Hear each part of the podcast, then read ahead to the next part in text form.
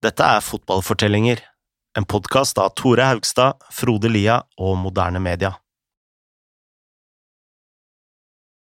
I USA i 1994 jakter Brasil den første VM-tittelen på 24 år. Romario er overbevist om at de kommer til å vinne, og at han kommer til å bli turneringens store, store stjerne. Men bare noen uker før turneringen får han høre at faren har blitt kidnappa.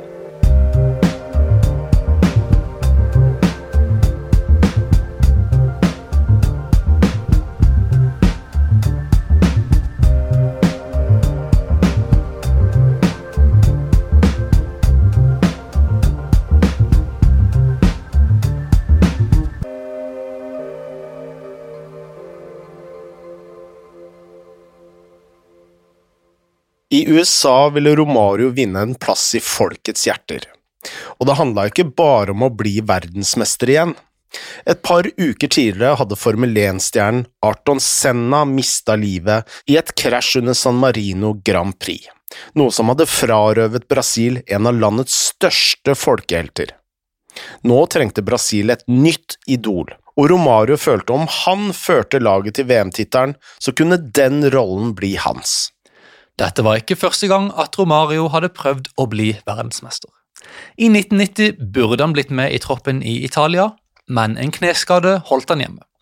I Mexico i 86 hadde han blitt vraka, og om vi spoler tilbake ett år til, i 1985, så hadde han dratt til U20-VM i Russland. Og der vant Brasil, men eh, innen de løfta trofeet, så hadde Romario dessverre blitt sendt hjem fordi han hadde blitt ferska i å urinere fra balkongen av et hotell i Moskva. Lenge kunne det virke som Romario heller ikke kom til å bli med i USA i 94.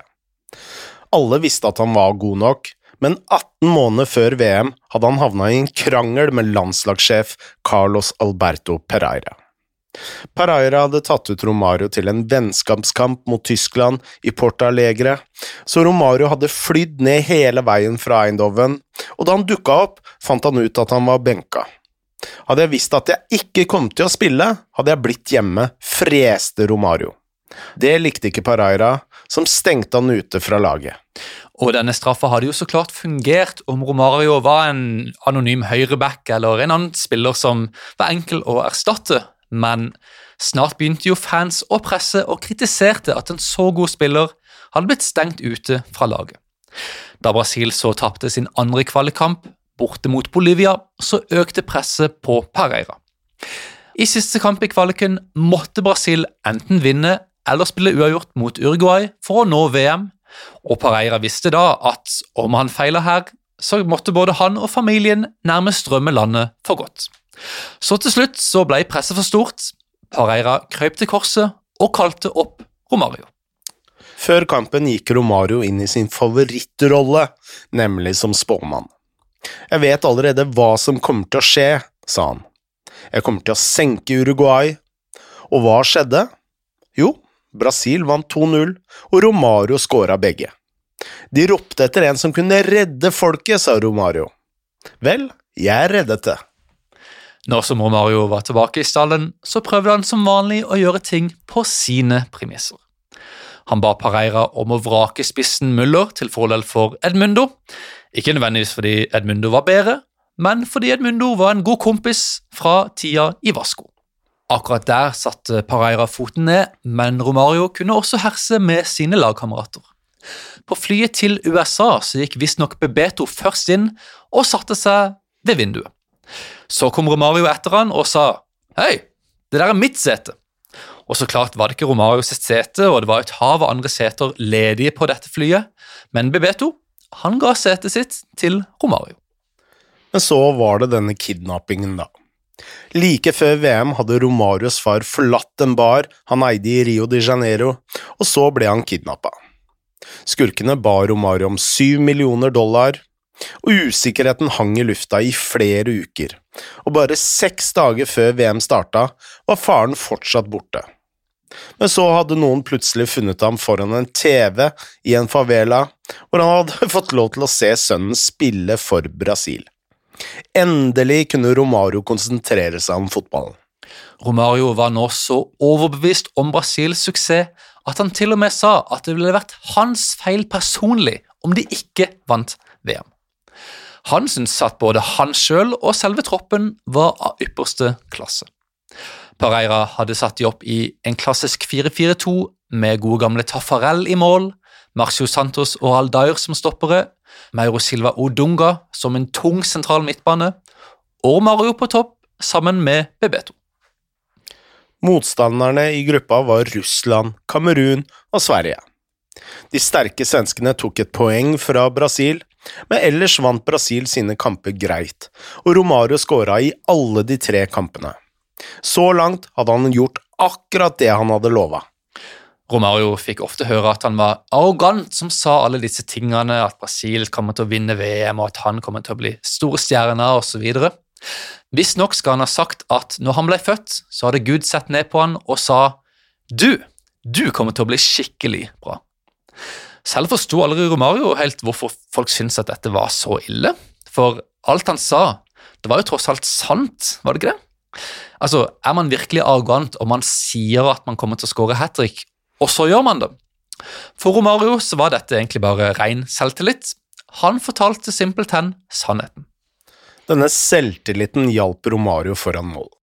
Han sa senere at han alltid anså seg selv som den beste avslutteren på laget, uansett hvem han spilte for. I praksis betydde dette at om det bare fantes en ørliten sjanse for at han kunne skåre selv, så prøvde han. Det måtte være teknisk umulig, altså en XG på 0,0, om han skulle gi ballen til noen andre. Og for Romario var det bare logisk. Om han var den beste til å skyte, så ga det mening at det var han som prøvde å skyte.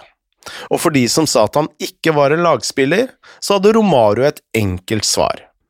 Så lenge han scora, så var det bra for laget. I åttendedelsfinalen skulle Brasil møte USA.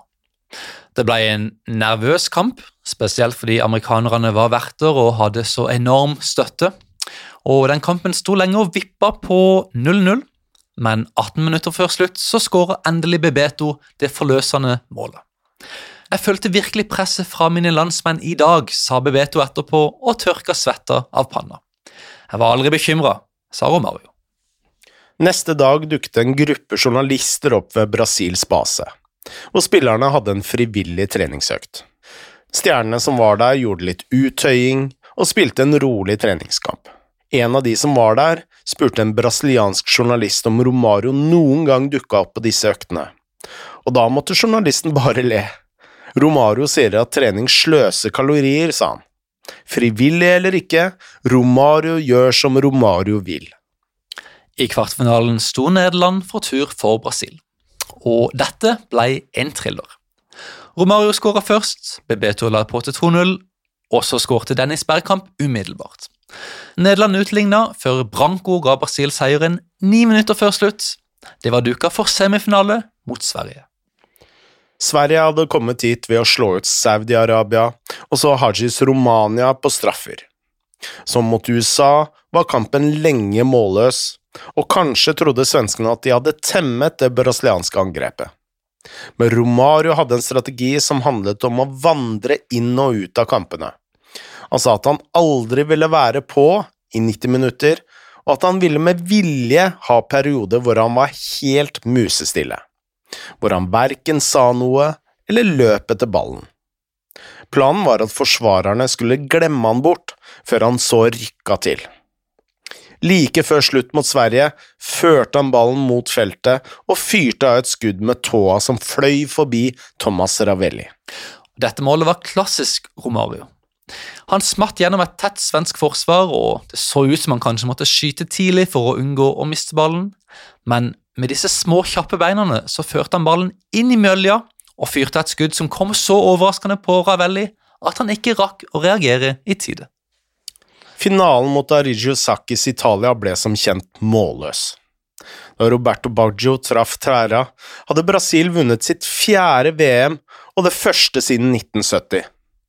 Romario vant gullballen i VM og mottok senere Fifas pris for verdens beste fotballspiller det året.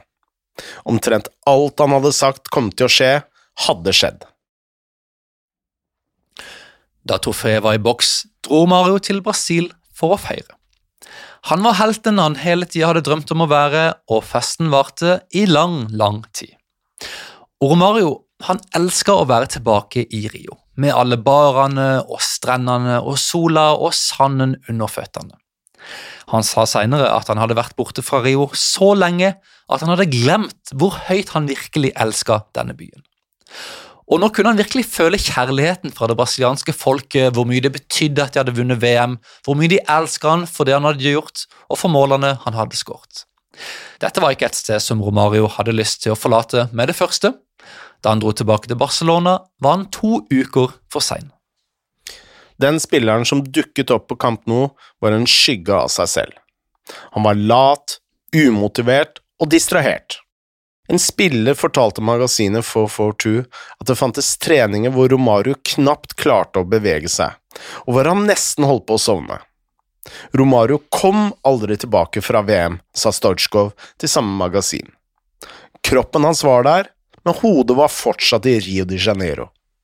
Senere det året forsto Barcelona at det var lite poeng i å beholde Romario i denne tilstanden. Da Romario fikk et tilbud fra Flamengo, så vurderte han virkelig å dra tilbake til Rio. Han var bare 29 år, og han hadde jo mange gode år foran seg som fotballspiller, og det var egentlig uhørt at verdens beste spiller skulle forlate Europa i en sånn alder så tidlig uten en god sportslig grunn. Men Romario gjorde som Romario ville, gjorde ting på sine premisser, og nå måtte han spørre seg sjøl. Hva ville han egentlig ha? Brasil var ikke noe Kina eller Qatar eller Saudi-Arabia hvor Romario kunne tjene fett.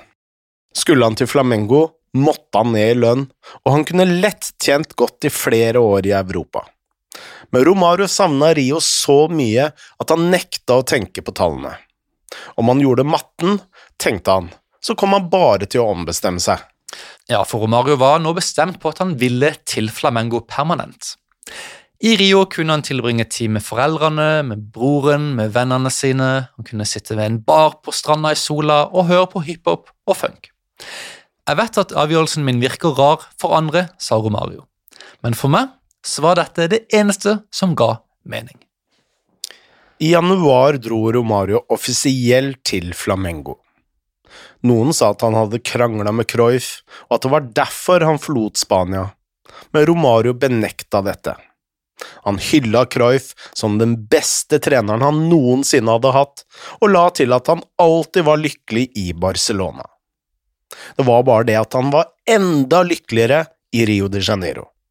Men Romario kom ikke bare til å ligge på stranda i Brasil.